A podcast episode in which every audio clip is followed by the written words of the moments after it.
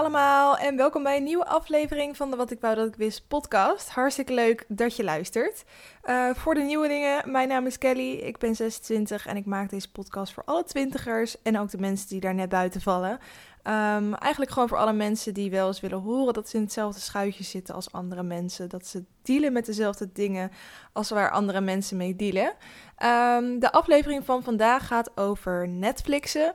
En dat woord heb ik heel specifiek uitgekozen, omdat het denk ik voor heel veel mensen herkenbaar is. Maar eigenlijk wil ik het in het brede spectrum hebben over alles wat we kijken. Dus niet alleen op Netflix, maar misschien ook op Videoland, um, op uh, YouTube, op uh, Disney Plus, wat net uit is. Um, noem het maar op. Eigenlijk alle manieren van kijken die uh, de laatste jaren ons leven zijn binnengedrongen en die stiekem best wel heel erg verslavend zijn. Um, en ja, hoe moet je daarmee omgaan? Hoe slokt het je tijd op en wat moet je daarvan vinden?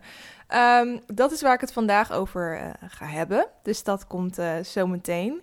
Ik wil eerst nog even terugblikken op de aflevering uh, van vorige week. Ten eerste weer heel erg bedankt voor de leuke reacties. Um, ik vond het erg leuk om te vertellen over mijn reis naar Japan. En ook om jullie ja, standpunten te horen over reizen in het algemeen. En de rol van reizen in het leven van de twintigers van nu. Um, ook vroeg ik vorige week wat jullie vonden van de lengte van de, de blokjes die ik altijd doe voordat ik aan het hoofdonderwerp begin. Dus dat is lekker loeren en het LKL'tje. Ik had namelijk gehoord van iemand dat um, dat net even wat te lang duurde voordat het hoofdonderwerp begon. Nou, ik kreeg gelijk allemaal berichtjes van mensen die zeiden: nee, kort het alsjeblieft niet in, want ik vind het juist super leuk en heel fijn om naar te luisteren. Um, ja, echt een uitvoerig onderzoek kan ik natuurlijk niet onder andere luisteraars gaan doen.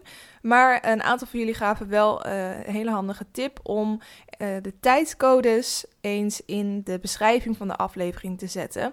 Zodat je in ieder geval weet wanneer welk blokje begint. En als je eventueel denkt, joh, ik heb helemaal geen zin om naar dit stukje te luisteren, maar ik ben wel heel erg benieuwd naar het hoofdonderwerp of andersom, dan kan je gewoon in de beschrijving kijken en zien waar je naartoe moet.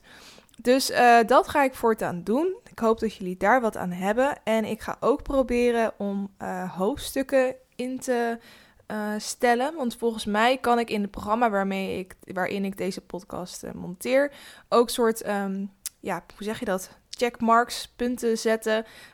Um, waardoor mensen die bijvoorbeeld via de Apple Podcast luisteren, volgens mij daar naartoe kunnen klikken. Dus dan kan je hem soort uitklappen en dan krijg je verschillende hoofdstukken en dan kan je daarop klikken en dan word je automatisch naar het goede punt toegestuurd.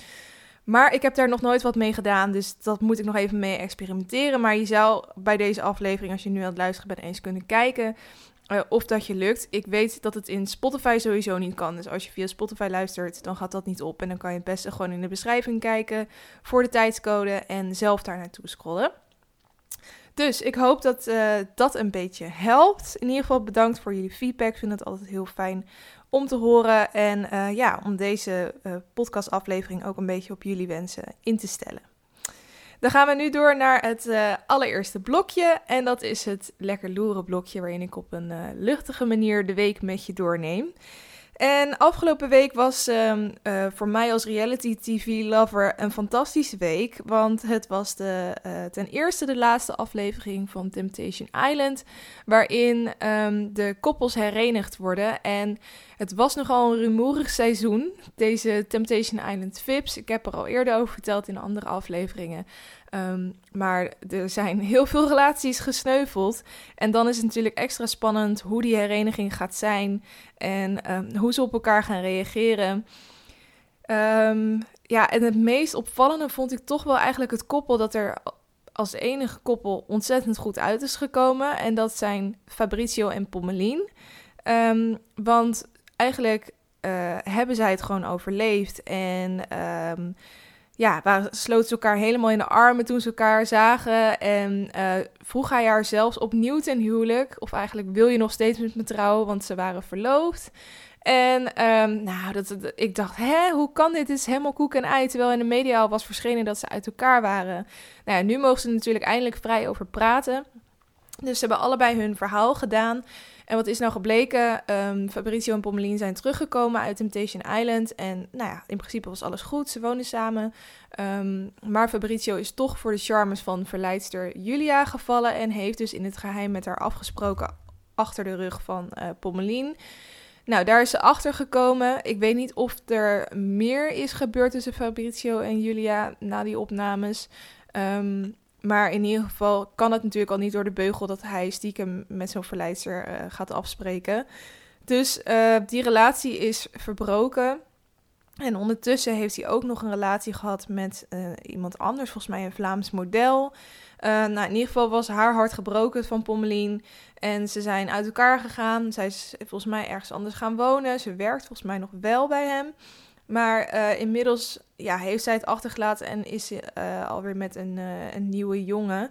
Alleen nu is het zo dat Fabrizio een soort van emo is en allemaal Instagram-posts aan het plaatsen is dat hij ja, um, nu ook natuurlijk die aflevering heeft gezien van die hereniging. En dat hij ziet hoeveel ze op dat moment van elkaar hielden. En ik heb het idee dat hij gewoon best wel spijt heeft van alles wat hij heeft gedaan. En dat hij haar misschien wel terug wil.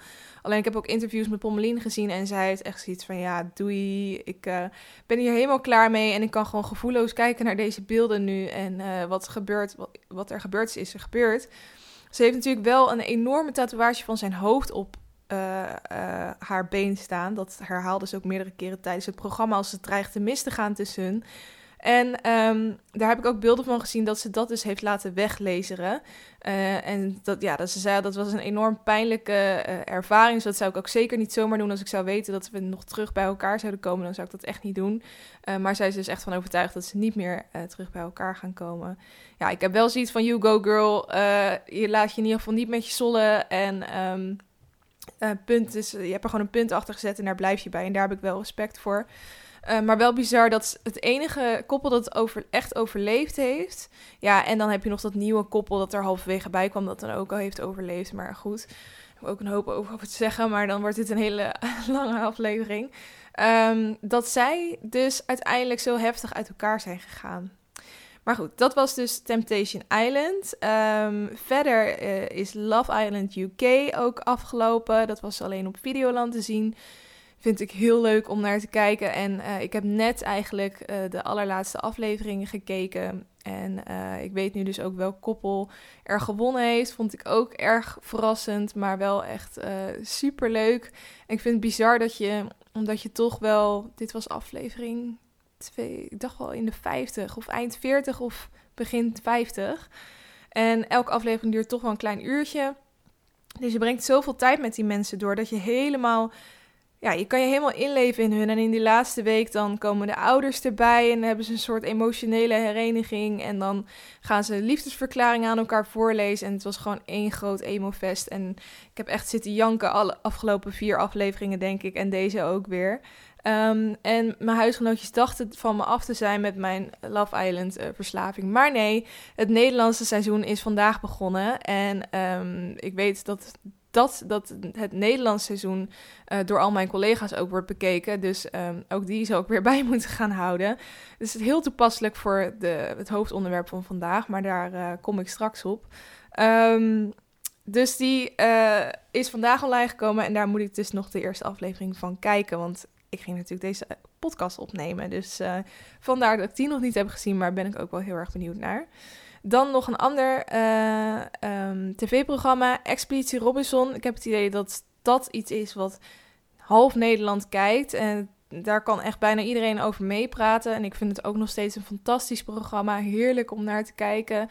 Um, we hebben nu een soort nieuwe um, ja, moet ik het zeggen, regeling of een nieuwe traditie in, in huis. Dat we het een soort van watch party ervan maken. En dan komen er ook andere mensen die hier kijken. En dan halen we snacks in huis en zo. Dan is het gewoon één groot feest. Um, dus dat is wel heel leuk. Vooral leuk om Expeditie Robinson te kijken. Um, etend, terwijl al die mensen daar op het eiland honger hebben. um, ik vind het wel weer een heel interessant seizoen.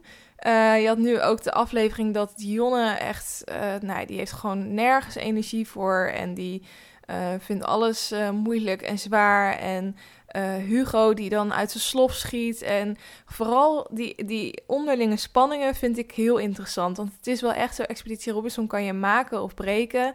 Je komt echt, je beste kant komt naar boven of je allerslechtste kant komt naar boven. En soms beide. En um, dat vind ik wel heel interessant om te zien, omdat dat een kant is die je vaak niet ziet van BN'ers. Ik wil ook niet zeggen dat het echt allemaal BN'ers zijn die meedoen, want de meeste mensen die zijn natuurlijk echt gewoon ergens vandaan geplukt. Het, uh, de, de pot is op een gegeven moment ook gewoon op. Um, maar alsnog leer je die mensen wel zo kennen dat je uh, ja, wel helemaal mee kan leven in alle intriges en, en manieren waarop ze weer um, stemmen bij elkaar wegplukken. En ja, ik vind dat gewoon heel, uh, heel interessant. Ik wil er niet te diep op uh, bepaalde afleveringen ingaan, omdat ik altijd het idee heb dat ik het dan verpest voor mensen die het nog niet hebben teruggekeken. Um, dus dat laat ik verder eventjes in het midden. En ik ga door naar het volgende. En dat is de Emmys. Die waren gisteravond. De Emmys zijn, um, ja, dat is een awardshow in Amerika. En dat is voor uh, ja, de beste uh, films. Nee, volgens mij, volgens mij alleen voor series. De beste series en dan dus ook de beste actrices in series, uh, et cetera. En um, uiteindelijk was, zoals wel verwacht, Game of Thrones de grote winnaar. Um, de beste dramaserie is de grootste prijs van de Emmys. En ja, Game of Thrones heeft die uiteraard gewonnen. En ik had, zat ook zo'n artikel te lezen over ja, eigenlijk heel de cast, want zo goed als heel de cast was op de Emmys. En we hadden ze gewoon screenshots gemaakt van alles wat de Game of Thrones cast had gepost. En zij zien er ook gewoon uit alsof zij zo'n gezellige, leuke familiegroep zijn. Je, zei, je vindt het bijna jammer dat je er niet zelf was op die set en zelf acteerde op die set omdat je dan nog meer um, ja, betrokken bent bij dat hele. Uh, niet alleen het, verhaal van Game of Thrones, maar ook het hele uh, opname, um, ja, wereldje eromheen. Um, ja, dat lijkt me echt, echt fantastisch. En lijkt me ook heel gek voor hun dat, dat Game of Thrones nu opeens afgelopen is. Maar wel heel vet dat ze dan nog deze prijs hebben ja, als bekroning op hun werk. Dan het allerlaatste nieuwtje in Lekker Loeren. Daarna ben ik echt klaar. En dat is dat uh, Tinder een uh, evenement heeft gemaakt. Of eigenlijk een soort serie. En dat heet, ik zoek het ondertussen even op. Um, Swipe Night. En het is, ik lees het even voor, een interactief apocalyptisch avontuur dat je via een videostream kunt volgen. Je kijkt op telefoon mee en je beslist op belangrijke momenten zelf hoe het verhaal verder gaat door naar links of naar rechts te swipen. En de keuzes die je maakt zijn ook van invloed op je toekomstige matches op de app, al dus Tinder. Je keuzes worden namelijk toegevoegd aan je profiel, zodat matches kunnen zien welke keuzes je in de serie hebt gemaakt. Um, nou, die eerste aflevering van Swipe Night dus, dus het bestaat uit meerdere afleveringen. Um, die wordt op 6 oktober uitgebracht in de VS. En daarna uh, wordt er elke week op zondag een nieuwe aflevering toegevoegd. Er zijn er zes in, totaal. Het enige jammer is dat het nog niet bekend is of Swipe Night ook uh, buiten de VS uitgebracht gaat worden. Dus of het ook naar Nederland komt.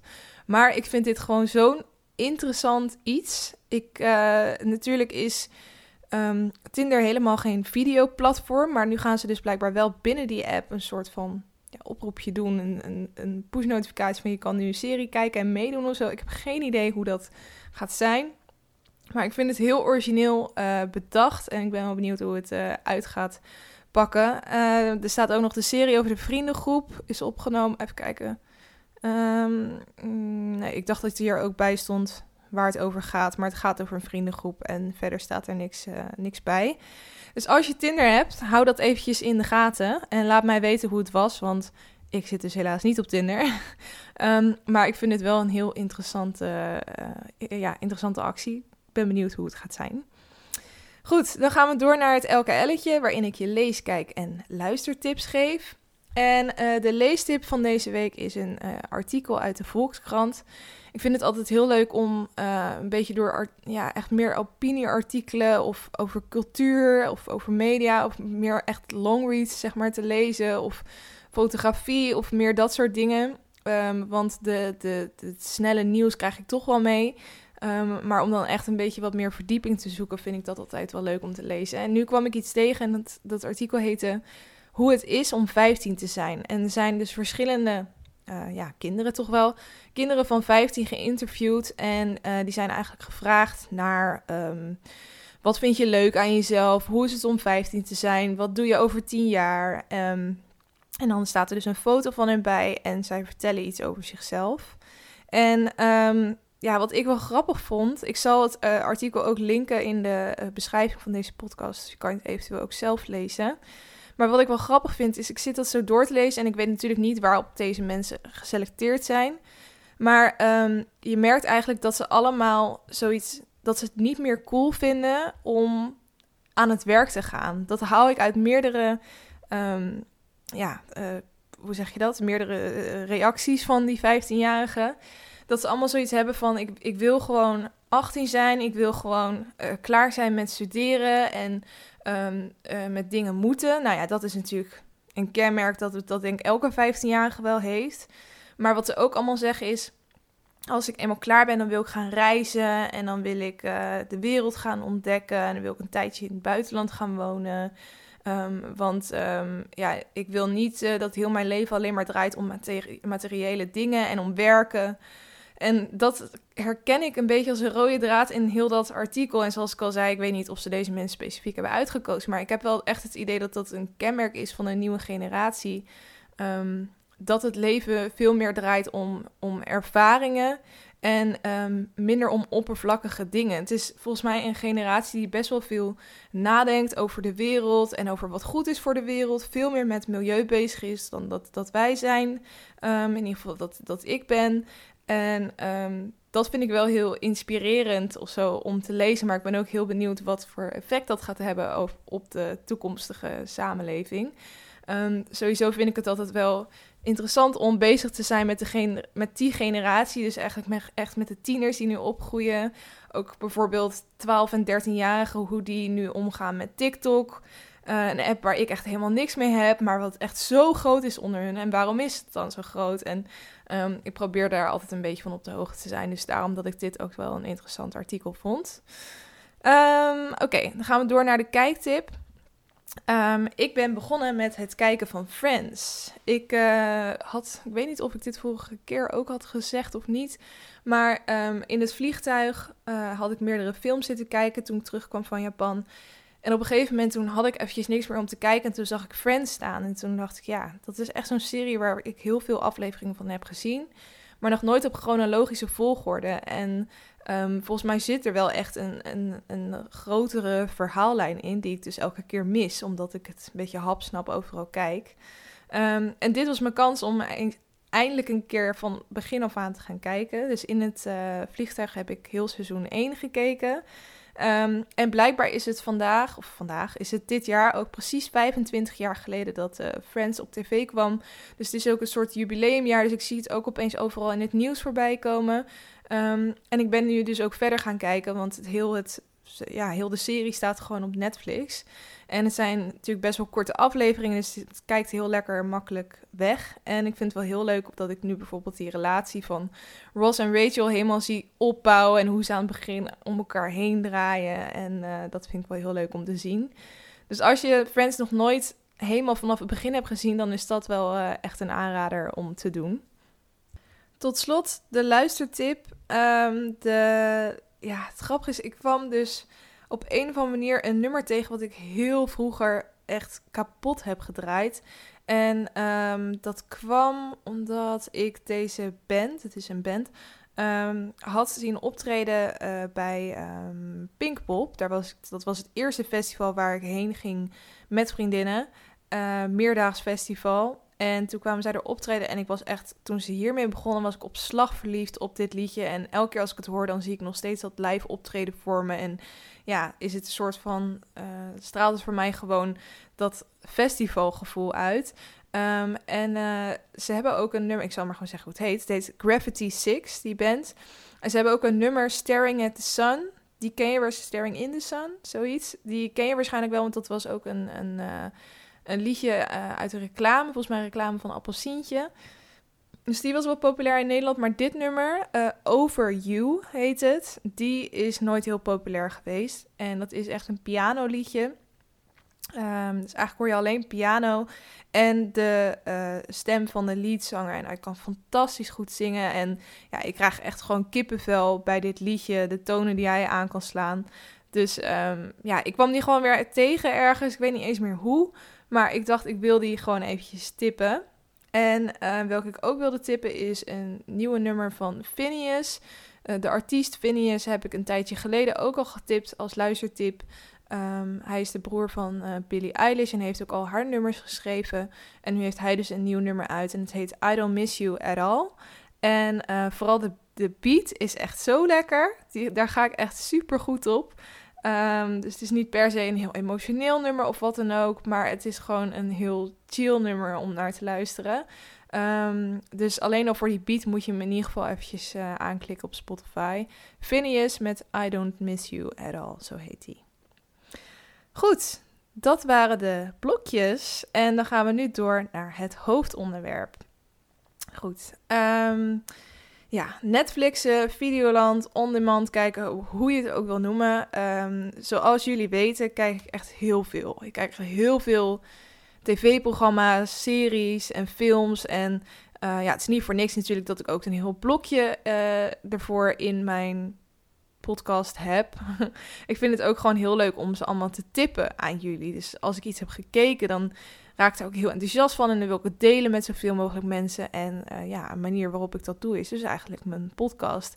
En um, ik krijg ook wel eens berichtjes van uh, luisteraars uh, over dat LKL'tje van, ja, wat, hoe, hoe krijg het voor elkaar om elke week weer iets te noemen? Luister, kijk, lees, kijk en luister je echt alles wat je tipt. En vooral al die kijktips, kijk je dat echt allemaal? Hoe kom je daar aan, aan die tijd, zeg maar?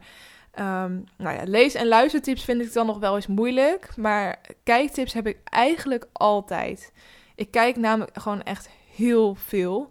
Uh, kom ik achter. En um, ja, ik denk dat ik bovenop mijn werkweek gewoon nog makkelijk 20 uur kan vullen met het kijken van iets. Of het nou films, series, programma's of YouTube-video's zijn. En ook als ik kijk naar kijk, als ik kijk naar wat ik uh, vroeger keek en nu kijk, dan is mijn kijktijd zeg maar wel echt exponentieel toegenomen. Al heb ik niet per se meer tijd gekregen. Ik heb juist denk ik eerder minder tijd gekregen, want toen ik nog op de middelbare school zat, um, ja, had ik gewoon veel minder vrij, meer vrije tijd dan dat ik nu heb nu ik fulltime werk. Dus hoe kan dat dan, denk je? Um, en is het niet gewoon een verslaving eigenlijk? Nou, hoe kom ik nou bij dit onderwerp? Ik vroeg jullie op Instagram waar ik uh, vanavond over moest gaan podcasten. En um, ja, drie keer kreeg ik dit onderwerp. Mensen die eigenlijk zeiden van Netflix-verslavingen uh, en hoe je je vrije tijd nuttig indeelt. En daar wil ik eigenlijk op ingaan, want hoe ernstig is een Netflix-verslaving eigenlijk? Um, en ik noem het nu Netflix-verslaving, maar ik leg het net al uit. Eigenlijk gewoon de breedste zin van het woord kijken, kijkverslaving. En wanneer is kijken in de breedste zin van het woord nuttig en wanneer niet? Waar ligt die grens? Um, dus dat is eigenlijk een beetje waar ik het over wil hebben. Uh, maar wat misschien wel goed is, is om te beginnen met hoe we hier zijn gekomen. Want uh, de ontwikkelingen zijn allemaal zo ontzettend snel gegaan. En uh, wij zijn ook wel echt een generatie die ja, voor het eerst hiermee te maken krijgen eigenlijk. Um, ik weet nog dat ik vroeger altijd, uh, als ik een, een, film wilde kijken, uh, een videoband ging huren bij de videotheek. En dat heette toen Videoland. Wat ik nog steeds heel bizar vind. Um, en uh, nou, dat was films eigenlijk. Films keek je op videobanden en die, die kocht je dan in de winkel voor best wel wat geld. Of die huurde je bij de videotheek. Um, en als je dan een programma wilde kijken, dan moest je het gewoon op tv kijken. En dan ging je op het moment dat het op tv was voor de tv zitten om het te kijken. En anders had je het gewoon echt gemist. En als je dan dacht, oh, ik wil de volgende aflevering zien, dan uh, moest je gewoon een week wachten. En een week later precies hetzelfde tijdstip weer gaan zitten. En in principe is dat idee natuurlijk wel overeind gebleven. Um, soort van. Maar uh, je kan nu alles kijken waar en wanneer je maar wilt. En dat was toen natuurlijk echt niet zo. Um, ja, en YouTube, Netflix, Videoland, het bestond allemaal niet. En het was waarschijnlijk ook iets wat, wat we ons totaal niet konden voorstellen dat het ooit zou kunnen bestaan. En ja, hoe ouder ik zelf werd, hoe meer mijn wereld wat verschoof van voor de tv zitten met mijn ouders en, een beetje zappen en kijken wat er was, naar ehm, achter de computer zitten in mijn eigen slaapkamertje. En ja, dat was ook de tijd dat ik een beetje online video's ontdekte.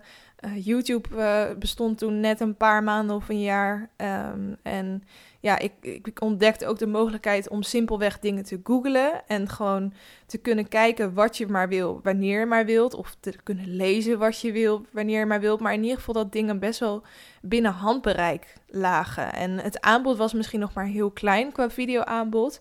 Maar ik vond het wel allemaal rete interessant. En um, ja, gewoon bizar dat je iets in kon toetsen en dat er dan uitkwam wat jij interessant vond. En nou, even later kon je dan sommige programma's wel online terugkijken. En kon je wel met kans op virussen programma's uit het buitenland gaan downloaden via LimeWire of wat dan ook. Um, Gossip Girl en Pretty Little Liars vond ik heel leuk. En dat downloadde ik dus altijd. En dat is niet iets wat ik van mijn ouders heb geleerd. Dat is echt iets wat ik gewoon zelf ja, op een of andere manier heb uitgevogeld. Misschien heb ik het wel van een vriendje of vriendinnetje geleerd. Of uh, heb ik het online ergens gelezen. Maar dat, dat is ook het moment dat er eigenlijk een soort um, uh, ja, divide ontstond tussen mijn ouders en mij. Qua digi, di, oh, ik haat dat ik de hele tijd Engelse woorden gebruik, maar daar weet ik soms gewoon beter in. Maar dat je digital savvy wordt. En dat zij eigenlijk ja, meer van het tv en het zeppen zijn. Um, dus ja, hoewel mijn ouders dus trouw elke avond bleven zeppen, kon ik steeds minder accepteren dat ik me dan, als ik dan bij hun ging zitten, moest vormen naar wat de tv me te bieden had. Dat ik dacht, ja, er is zoveel aanbod en uh, online ligt eigenlijk alles voor het grijpen. Waarom zou ik me dan nog conformeren aan ja, wat er in een tv-giet staat? Wat, het, wat een soort menu wat je voorgeschoven krijgt, terwijl je uh, eigenlijk niks wil wat er op het menu staat. Um, ja, en inmiddels kunnen dan de meeste apps, tv's, allemaal apps downloaden. We hebben allemaal smart tv's. En meestal staat Netflix er automatisch al op. En ja, Videoland heeft natuurlijk aan de bak getimmerd, waardoor ook het Nederlandse aanbod eigenlijk een snelknop heeft op je smart tv. Nou, dan heb je uiteraard nog YouTube en iets dat nu in opkomst is, Disney Plus. Dat, ik hoorde toevallig via, net via iemand uh, op Instagram dat Disney Plus al is in Nederland en dat je nu nog 1 cent betaalt volgens mij. En dan dat 1 november echt het volledige aanbod ter beschikking komt. En in de mediawereld wordt wel echt gezegd dat uh, uh, dit een grote concurrent voor Netflix zou kunnen worden. Dus dat wordt ook nog wel interessant. Dus er, er komen ook steeds meer van dit soort diensten. Dus het aanbod is nu natuurlijk echt enorm. En al die on-demand videodiensten, zoals ik maar even noem, die hebben eigenlijk één ding gemeen. Ze snoepen ontzettend veel kijktijd weg van tv en ze maken consumenten steeds kieskeuriger.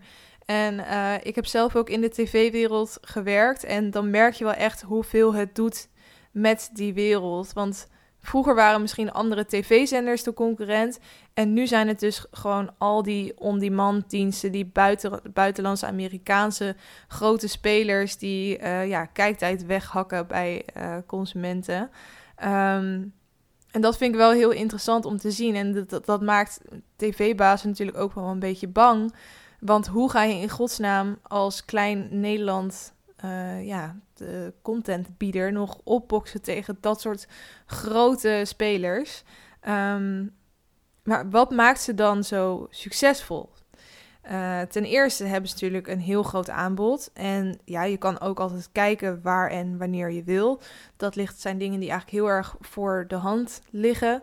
Uh, maar dat is niet het enige. Ze zijn ook fantastisch in jou heel erg snel verslaafd maken aan hun dienst via hun algoritme.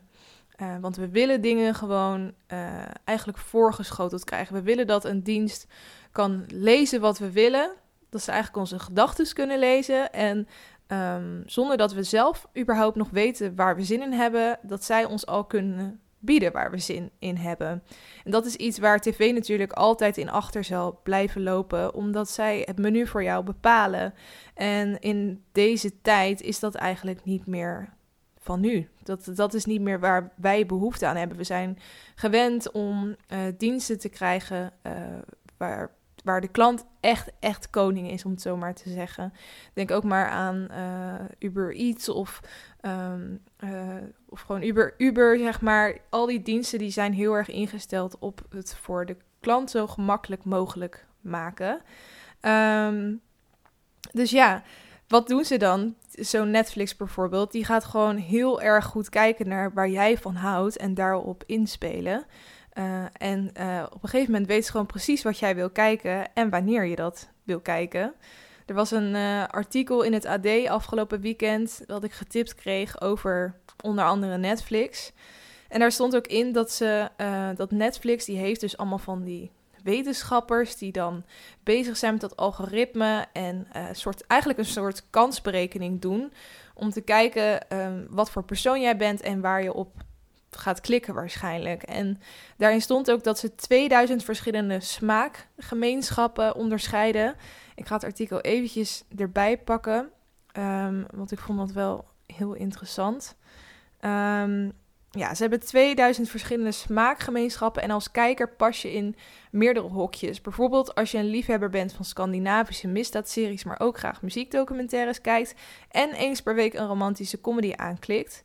Al dat kijkgedrag wordt geanalyseerd en dan komt er quote: Wij weten wat je kijkt, op welk tijdstip, wat je vorig jaar keek en wanneer je na twee minuten afhaakte of juist niet. Zo legt topman Todd Yellin het uit. En um, dat is natuurlijk wel heel interessant dat zij zo goed ons, ons kennen. Ook al heb je misschien het gevoel dat ze je totaal niet kennen. Ze zien alles wat je doet. Dat klinkt misschien eng, maar in principe is dat ook. Um, eigenlijk betaal jij hun in, in data. Dus dit soort data kunnen zij weer gebruiken om jou beter te bedienen. Waardoor jij steeds verslaafder raakt en uh, je abonnement natuurlijk niet gaat opzeggen. Um, even kijken, wat wilde ik nog meer zeggen? Ja, dus vroeger was het misschien zo dat je dan echt naar een videotheek ging om een nieuwe videoband te halen als je meer of verder wilde kijken. Uh, en het, wat je nu alleen maar hoeft te doen is te blijven zitten. Um, want wat gebeurt er? Netflix laat alles gewoon loopen. Of speelt in ieder geval alles achter elkaar voor je af. Er zit alleen wat telseconden tussen. Die langzaam telt hij af dan heb je eigenlijk een paar seconden om te beslissen of je wil stoppen met kijken of niet. Nou, meestal is dat te kort voor je brein om echt uh, de knoop door te hakken en te zeggen: nee, we stoppen nu. Dus wat gebeurt er? Je bent alleen maar aan het kijken en aan het kijken en aan het kijken. Um, ja, je denkt gewoon heel makkelijk: ach, nog eentje dan. Net als dat je misschien makkelijker nog een sigaret opsteekt als ze toch op het tafeltje voor je liggen, want het is zo lekker makkelijk. Um, en ik had dit ook eens op Instagram gevraagd. Um, Vind jij jezelf verslaafd aan Netflix en dergelijke, aan dat allemaal kijken? En 54% zei ja, ik ben verslaafd. En 46% zei nee. Dus eigenlijk best wel een beetje 50-50. En het is natuurlijk ook lastig om over jezelf te zeggen wanneer je echt aan iets verslaafd bent. Want wanneer vind je iets gewoon heel leuk om te doen en is het gewoon een hobby? En wanneer is het echt een verslaving? Um, de World Health Organization die heeft vorig jaar uh, obsessief gamen geclassificeerd als een uh, verslaving. Dus mensen die echt ontzettend veel gamen. Ik weet niet precies. Zal ook wel echt een, een, een uh, ja, wat gerichtere, gedetailleerde beschrijving bestaan. Maar mensen die obsessief gamen, dat wordt gewoon uh, officieel gezien als een verslaving. En dat gamen is natuurlijk ook een vorm van entertainment en escapisme en eigenlijk iets ja, een categorie waar Netflix ook heel goed in zou passen. Dus dat doet mij wel denken van hoe lang gaat het dan nog duren totdat Netflix daar ook in wordt opgenomen. Want de momenten waarop je het kijkt is toch als je gestrest bent of even niet zo lekker in vel zit. Dan denk je van, oh, ik ga even lekker Netflix kijken, want dat kan me weer uit die moed halen. Of um, in ieder geval ervoor zorgen dat je eventjes niet denkt aan je problemen.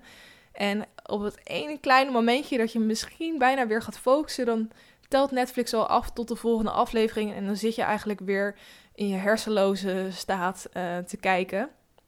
En um, ja, hoe ik dat nu omschrijf, dat is eigenlijk hoe je ook heel veel andere, uh, veel heftigere, nou ja, veel heftigere, uh, hoe je heel veel andere verslavingen ook zou omschrijven met die kenmerken.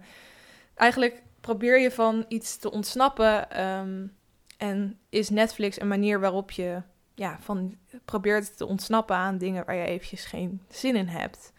Ehm, ik las ook dat de CEO van Netflix heeft gezegd dat slaap zijn grootste concurrent is. Dus niet ehm, andere on-demand videodiensten of de tv. Nee, slaap is zijn grote concurrent. Want dat is de reden dat mensen Netflix uitzetten. Omdat ze letterlijk te moe zijn om nog verder te kijken.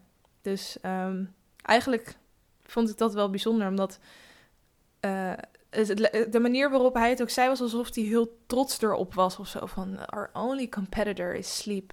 And sleep deprivation is what most of our consumers... Uh, nou, weet je dat, dat is waar de meeste mensen dan last van hebben. Um, en ik denk ook dat veel, veel mensen dat gewoon over zichzelf zeggen. Oh, ik ben echt moe, man. Ik heb echt tot twee uur s'nachts Game of Thrones zit. Oh, nou, dat is een slecht voorbeeld. Het staat niet eens op Netflix. Um, maar HBO is natuurlijk ook een on-demand videodienst in Amerika. Maar ik heb tot twee uur s'nachts um, whatever zitten kijken. En, en nu ben ik helemaal kapot. En dan, oh, ik heb die serie ook gezien. Oh, die was zo goed. Oh, ik heb het in één keer afgekeken.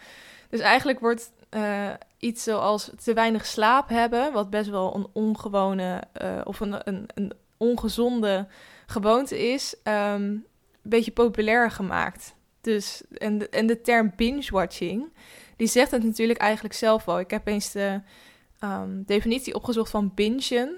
En bingen is a period of excessive indulgence in an activity, especially drinking alcohol or eating a period. Oh, oh daarna had ik hem nog een keer gekopieerd en geplakt, zo te zien.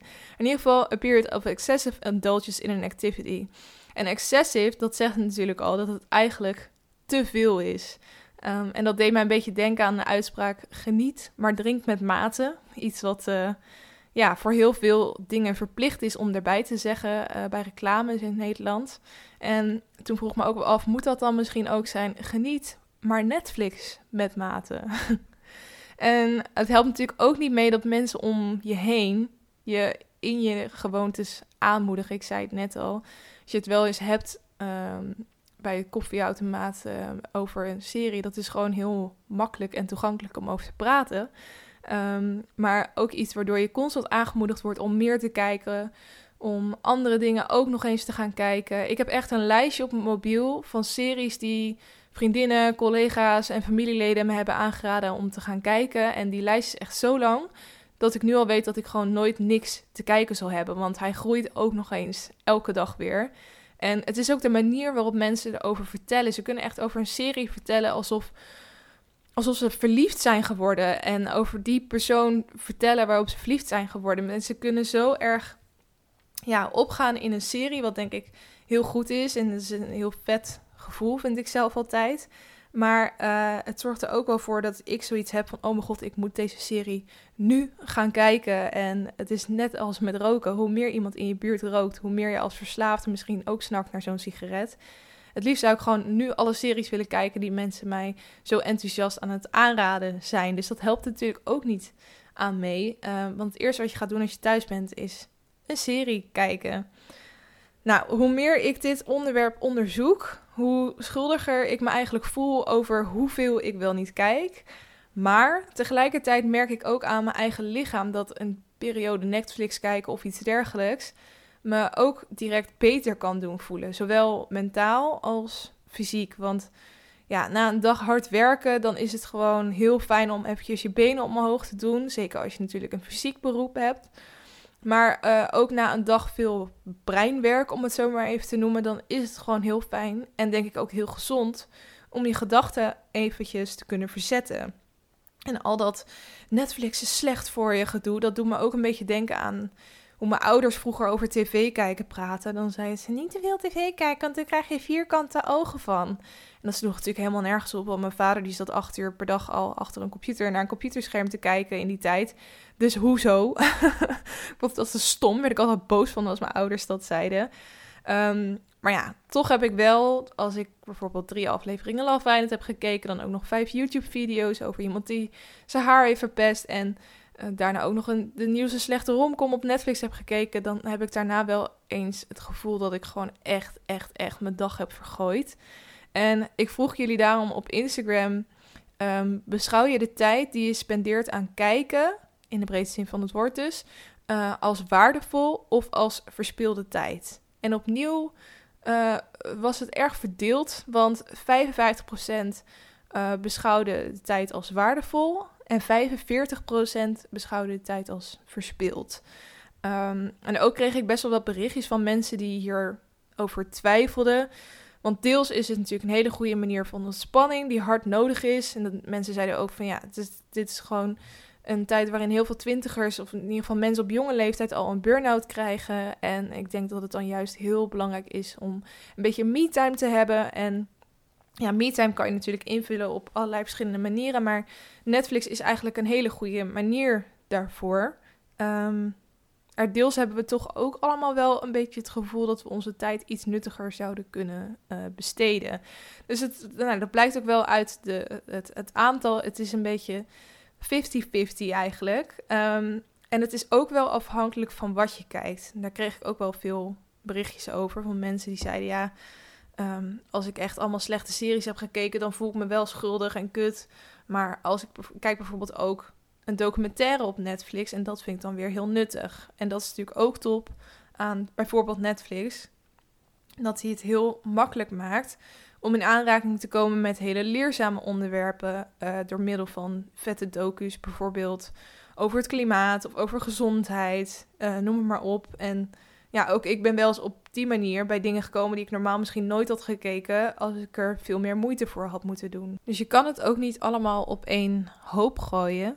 Uh, maar als je tegen iemand zegt dat je vier uur hebt genetflixt, dan denkt niemand, oh, wat een vette tijd. Wat heb jij iets vets meegemaakt, weet je wel? Dus het, het voelt op een of andere manier toch een beetje uh, verspild. En um, sommige van jullie zeiden ook dat jullie vaak wel in de positie bevinden dat je iets aan het kijken bent wat je eigenlijk helemaal niet zo heel leuk vindt. Dat je het eigenlijk mooi vindt, maar ja, je hebt het toch aangezet en dan laat je het maar op de achtergrond aanstaan. En ehm, ook dat je dan weer net te weinig prikkels hebt. Dus dat je je mobiel erbij gaat pakken.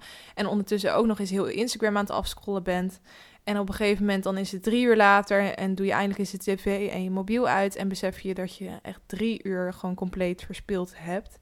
En dat herken ik ook wel heel erg. Ehm, omdat het zo makkelijk is om het allemaal maar te laten lopen, uh, doe je dat ook maar gewoon. En is je brein dan ook weer niet zo actief dat hij zegt van... hey, hier vind ik niks aan, dit zetten we uit of we gaan iets anders doen. We gaan uh, buiten rondje lopen, ik zeg maar wat. Dat komt echt nooit in mij op als ik uh, Netflix aan het kijken ben... terwijl ik wel altijd na een wandeling buiten me veel beter voel... dan wanneer ik een uur lang Netflix heb gekeken. Dus het is stom hoe je brein op zo'n moment dan werkt. Um, en over mobiel gesproken trouwens...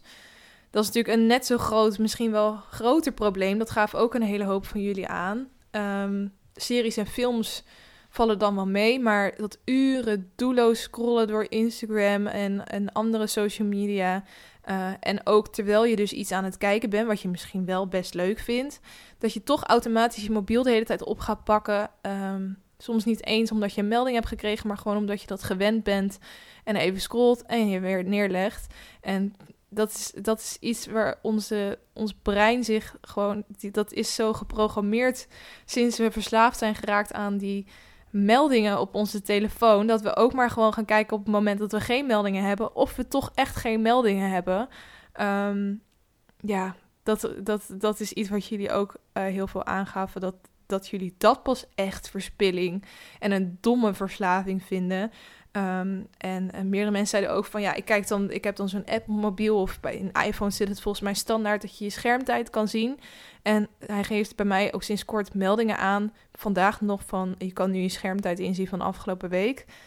En dan zegt hij heel leuk van, oh, het was 9% minder dan de week daarvoor. Maar dan kijk ik en dan heb ik alsnog gewoon vier uur lang per dag op mijn mobiel gezeten. Wat belachelijke tijd is dat ik ook denk, hoe dan? Hoe kan ik in godsnaam vier uur per dag op mijn telefoon zitten als ik uh, ook nog zoveel werk en dit doe en dat doe? En um, waar hou ik in godsnaam die tijd vandaan? En wat heb ik dan allemaal gezien op dat scherm wat zo ontzettend boeiend was dat ik er vier uur voor nodig had? Um, wil je nou meer over dat onderwerp weten, dan uh, moet je even de aflevering luisteren wat ik wou dat ik wist over social media verslaving. Die heb ik een tijdje geleden gemaakt, die aflevering. Maar die ja, is gewoon nog steeds heel relevant. En die gaat helemaal in over op deze verslaving aan, aan prikkels en meldingen. En waarom een mobiel nou zo verslavend is. Waarom het ook heel positief kan zijn. Ehm, dus daar ga ik nu niet helemaal over uitweiden. Omdat uh, die aflevering ook gewoon heel interessant is. Um, maar ja, soms dan vraag ik me dus wel eens af hoe ik in godsnaam zoveel tijd kan spenderen aan kijken. Aan het kijken van films, series, programma's, maar ook het kijken naar Instagram posts en YouTube video's. En dan denk ik wel eens van, oké, wat waar had ik die tijd, waar spendeerde ik die tijd vroeger dan aan? Maar als ik dan echt eventjes terug ga denken, dan besef ik me ook wel dat ik hiervoor ook niet heel veel nuttigs deed. Soms gewoon niks, gewoon wachten op de bus dan had je gewoon nog niet genoeg data of wat dan ook om, ehm, dat soort, om überhaupt een video te kijken terwijl je in openbaar was en niet op een wifi-netwerk zat. Ehm, soms had ik uren te scrollen over fora. Die had je toen nog. Die bestaan nog steeds trouwens, maar daar zit ik nu lang niet meer op. Maar toen wel heel veel. Of ik was Habbo Hotel aan het spelen, of ik was aan het MSN'en. Um, dus het was ook niet zo heel veel nuttigers of zo. En dat hoeft ook niet. Je hoeft niet altijd iets nuttigs te doen in je vrije tijd. Ehm, ook een onderwerp wat veel van jullie aanvroegen en wat ik ook wel uh, eens behandeld heb in een aflevering over waarom hebben we het allemaal zo druk of zo, zo heette die volgens mij. Dat we altijd het gevoel hebben dat je in je vrije tijd iets moet. En uh, dat we ons niet echt ontspanning gunnen, omdat we dat al snel verspilde tijd vinden. Maar die ontspanning die hebben we gewoon als mens nodig. En um, dat, dat, dat ik vroeger als ontspanning op Fora zat of op Habbo Hotel. En dat ik dat nu besteed aan een serie kijken. Um, dat is helemaal niet erg, denk ik. En we moeten onszelf ook een beetje gewoon kadden soms slack, weet je wel. Dit, gun het jezelf ook gewoon eventjes om eens lekker te zitten en te ontspannen en te binge-watchen. Um, maar doe het misschien met mate. Um, en gooi ook niet alles op één hoop. Want wat ik al eerder zei, het kan ook heel educatief en inspirerend zijn wat je kijkt. Um, maar wel is het heel goed om je prioriteiten voorop te stellen. Dus maak bijvoorbeeld eens een lijstje van wat jij allemaal belangrijk vindt om jouw tijd aan te besteden. En hou daarbij wel rekening met je energielevels in je vrije tijd. Zodat je niet alleen maar in spannende dingen bovenaan je prioriteitenlijst zet en dat een soort afvink to-do-lijst wordt. Maar uh, zorg dat je ook gewoon inplant dat jij rust neemt, uh, in wat voor vorm dan ook. Bijvoorbeeld een Netflix-serie. Um, maar vind jij het bijvoorbeeld belangrijk dat je elke week een boek leest? Plan die tijd dan voor jezelf in je agenda. Of vind je het belangrijk dat je wat vaker gaat tekenen? Ik zeg maar wat. Zet dan eventueel een wekker aan als je een serie gaat kijken die dan afgaat als je ja, de tijd die je voor jezelf hebt ingesteld, als die afloopt. En dat je dan weet, oké, nu moet ik gaan tekenen. Want onze breinen zijn ook simpelweg gewoon te lui. En dan geven heel graag toe aan verslavingen. Dus je moet je brein ook echt eventjes wakker schudden als je andere dingen voor elkaar wilt krijgen. En ja, wie weet bouw je dan vanzelf voor jezelf een fijne nieuwe gewoonte op waar je wel uh, makkelijker in blijft. Dus um, dat zijn in ieder geval tips als je echt zoiets hebt van ik zit wel echt met een verslaving en ik vind het echt niet leuk. En uh, ik wil daar wat aan doen. Hopelijk heb je dan wat aan die kleine tips. Oké, dat was het voor het hoofdonderwerp. Ik hoop dat jullie het weer uh, interessant vonden. Ik vond dit in ieder geval heel leuk, omdat het ook heel erg aansluit op mijn werkveld. En ik er dus best wel wat uh, van af weet. En het ook gewoon leuk vind om daarover uh, te praten. Um, ja, dus je kan altijd, als je hier iets aan toe te voegen hebt, mij een berichtje sturen op Instagram. Wat ik wou dat ik wist, podcast heet ik daar. Vind ik altijd leuk om berichtjes te krijgen. En vergeet me ook niet te volgen, zodat jij de volgende keer ook mee kan, ja, hoe zeg je dat? Mee kan spelen, interacteren, in ieder geval stemmen op polls en mij weer input sturen. vind ik altijd heel leuk. Ik vraag dus ook wel eens gewoon, waar moet ik over podcasten? En dan kan je dat gewoon naar me sturen. Tot slot wil ik afsluiten met een doetip. Dat is een nieuw dingetje wat ik tegenwoordig doe. En ik heb deze keer een hele leuke doetip, vind ik zelf. Want ik ben er zelf ook bij. Aankomende zaterdag is namelijk het Podcast Festival. Volgens mij is dit de tweede editie. Het kan het fout hebben, maar het is nog best wel nieuw. Um, en podcasts zijn natuurlijk ook ja, echt upcoming op dit moment. Het, nou, het is nu al wel echt een onderdeel geworden van leven van veel mensen, maar nog lang niet van iedereen in Nederland. Ehm, maar het is natuurlijk al wel zo groot dat er een festival over kan bestaan. Dus wat je allemaal op dat festival kan doen, is naar panels luisteren over podcast. Um, er worden ook verschillende podcasts daar zo live opgenomen. Um, onder andere ook een aantal podcasts die ik zelf heel leuk vind. Bijvoorbeeld Datevermaak gaat daar zo ook live opnemen. Um, ja, je kan, maar, je kan eens in het schema kijken uh, op, date, op, op, uh, podcastfestival.nl volgens mij de URL. En anders kan je daar eventjes op googlen. Het is in ieder geval in Amsterdam, Tolhuistuin. Uh, aankomende zaterdag, dus dat is 30 sep nee, 28 september zoiets. In ieder geval deze week van de week van 23 september en dan de zaterdag. Het is laat, jongens. Het is half twaalf. Ik uh, had al lang op bed moeten liggen. maar um, ik ben er dus bij. Ik uh, ga daar niks speciaals doen. Ik ga er gewoon als gast heen, zeg maar. Ik heb gewoon een kaartje gekocht. Um, maar ik vind het wel leuk uh, om misschien mensen van jullie daar zo te ontmoeten. Dus als je erheen gaat en je lijkt je dat leuk, dan kan je me een berichtje sturen. Um, voel je vooral niet verplicht. Ik ga daar ook gewoon, gewoon een beetje rondlopen en bij panels aansluiten. Uh, of in ieder geval in het publiek zitten. En um, ja, een beetje mensen ontmoeten. Dus um, dat wou ik eventjes gezegd hebben. En dan ga ik bij deze de aflevering afsluiten. Heel erg bedankt voor het luisteren. En ik wens je weer een fantastische week toe. Doei doei!